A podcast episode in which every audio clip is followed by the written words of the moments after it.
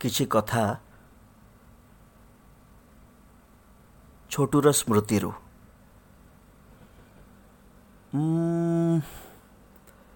କେଉଁଠୁ ଆରମ୍ଭ କରିବି?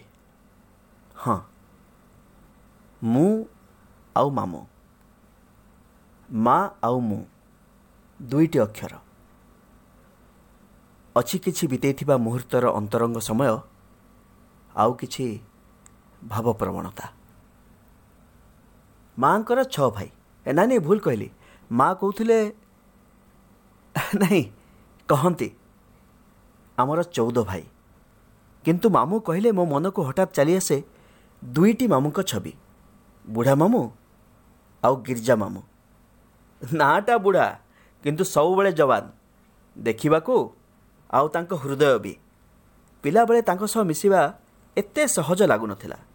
ଲାଗୁଥିଲା କାଳେ ପାଠ ବିଷୟରେ ପଚାରିଦେବେ କି? ମନରେ ଟିକେ ଡର ରହୁଥିଲା। ବୟସ ବଢ଼ିବା ସହ ତାଙ୍କ ସହ ଆନ୍ତରିକତା ବଢ଼ିବାକୁ ଲାଗିଲା। ଧୀରେ ଧୀରେ ଏମିତି ଲାଗିଲା ଯେମିତି ପାଖରେ ନଥିଲେ ବି ସେ ମୋ ବାପାଙ୍କ ଭଳି। ତାଙ୍କ କଥା ଶୁଣିବାକୁ ଭଲ ଲାଗିଲା। ଆଉ ତାଙ୍କ ଛୋଟ ଛୋଟ ସଜେସନ୍ସ ଯାହା ମୋତେ ଠିକ୍ ଲାଗୁଥିଲା ତାକୁ ଧୀରେ ଧୀରେ ମାନିବାକୁ ଆରମ୍ଭ କଲି। ଏ ଯେମିତି ସତ୍ୟସାଇ ସମିତିକୁ ଯିବା ନାରାୟଣ ସେବାରେ ନିଜକୁ ସାମିଲ କରିବା ଭଳି। ହଁ ଆଉ ଜଣେ ମାମୁଁ ଗିର୍ଜା ମାମୁଁ। ପିଲାଦିନେ ଭାଇନା ମଜାରେ କହନ୍ତି ଚର୍ଚ୍ଚ ମାମୁଁ ବୋଲି। ତାଙ୍କର ଗୋଟେ ବ୍ଲାକ୍ ଆଣ୍ଡ ହ୍ୱାଇଟ୍ ଫଟୋ ଆମ ଘରେ ଅଛି। ଯେଉଁଟା ଦେଖିଲେ ମୁଁ କହେ ମେହମୁଦ ଠିଆ ହେଇଛନ୍ତି। ଅତି ଆଦରର ଥିଲେ ଗିର୍ଜା ମାମୁଁ।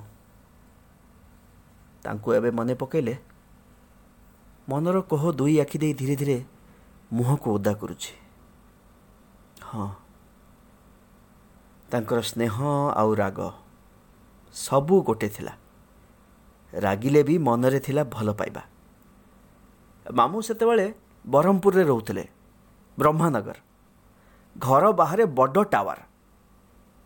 ଡିସେମ୍ବର ମାସ ଆମେ ମାଆଙ୍କ ସହିତ ବ୍ରହ୍ମପୁର ଯାଇଥିଲୁ। ମଙ୍ଗଳ ଦାଦା ସଡ଼କ ଫିଲ୍ମ ଆଣିଥିଲେ। ହଁ। ଆମେ ଦେଖୁଥିଲୁ। ପ୍ରାୟ ବାରଟା କି ଗୋଟେ ହେବ। ହଠାତ୍ ମାମୁଁ ଆସିଲେ ଗୋଟେ ବଡ଼ ପ୍ଲେଟ୍ରେ ଶାଗ ଧରିକି। ଆଉ ଆମକୁ ଟିକେ ଟିକେ ଚାମଚରେ ଖୁଆଇଲେ। ମନରେ କିଛି ବାଛ ବିଚାର ନଥିଲା। କିଏ ପୁଅ କିଏ ଝିଅ ଆଉ କିଏ ଭଣଜା। କିଛି ବାଛ ବିଚାର ନାହିଁ। କିନ୍ତୁ ଆଜି ଆମେ ସେ ସ୍ନେହକୁ ହରେଇଛୁ। ସବୁଦିନ ପାଇଁ। ବେଳେବେଳେ ଏମିତି ଲାଗେ ମାମୁଁ ମୋ ସାଙ୍ଗରେ ଅଛନ୍ତି। ସେ ପିନ୍ଧୁଥିବା ରୁଦ୍ରାକ୍ଷ ମାଳଟା ମୁଁ ପିନ୍ଧିଛି ନା ସେଥିପାଇଁ ବୋଧେ। ଆଶା କରେ ବୁଢ଼ା ମାମୁଁଙ୍କୁ ଆରେ ଖାଲି ବୁଢ଼ା ମାମୁଁ କାହିଁକି? ସମସ୍ତଙ୍କୁ। ଭଗବାନ ଭଲରେ ରଖନ୍ତୁ। ଏ ସ୍ନେହ ଟିକେ ଦେବା ପାଇଁ। ଏଥର ଭେଟିଲେ ବହୁତ କଥା ହେବା। ରହୁଛି